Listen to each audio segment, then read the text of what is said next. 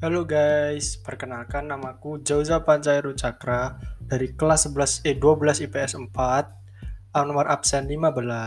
Kali ini kita akan membicarakan tentang pengertian, kekurangan dan kelebihan dari gambar vektor dan gambar bitmap. Sebelum itu, di sini ada dua buah gambar yaitu gambar A adalah gambar vektor dan gambar B adalah gambar bitmap. Nah, mari kita simak ulasan dari kedua gambar ini guys. Let's go. Jadi, uh, kita simak dulu gambar vektor ya, mulai dari pengertian, kelebihan, lalu kekurangan. Ya, pengertian dari gambar vektor adalah gambar yang terbuat dari beberapa titik dan garis. Kombinasi gambar jenis ini melalui proses rumus matematika khusus dan dalam pembuatan gambar. Ada juga kelebihan dan kekurangan vektor yaitu yang pertama kelebihannya. Pertama, gambar jenis objek vektor bisa diubah dalam bentuk dan ukuran tanpa harus menurunkan kualitas grafis.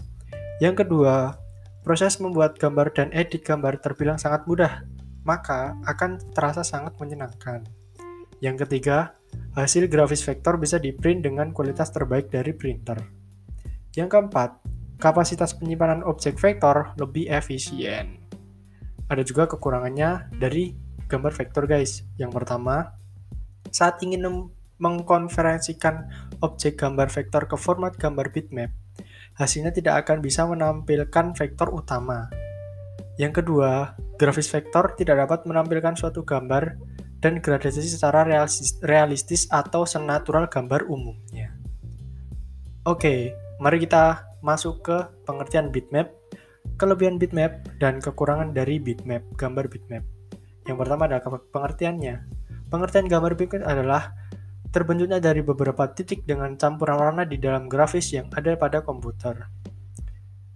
Oke, kita bicarakan tentang kelebihan dan kekurangannya. Kelebihannya, yang pertama, bisa memberi hasil objek bitmap ke objek gambar vektor dengan sangat cepat dan mudah.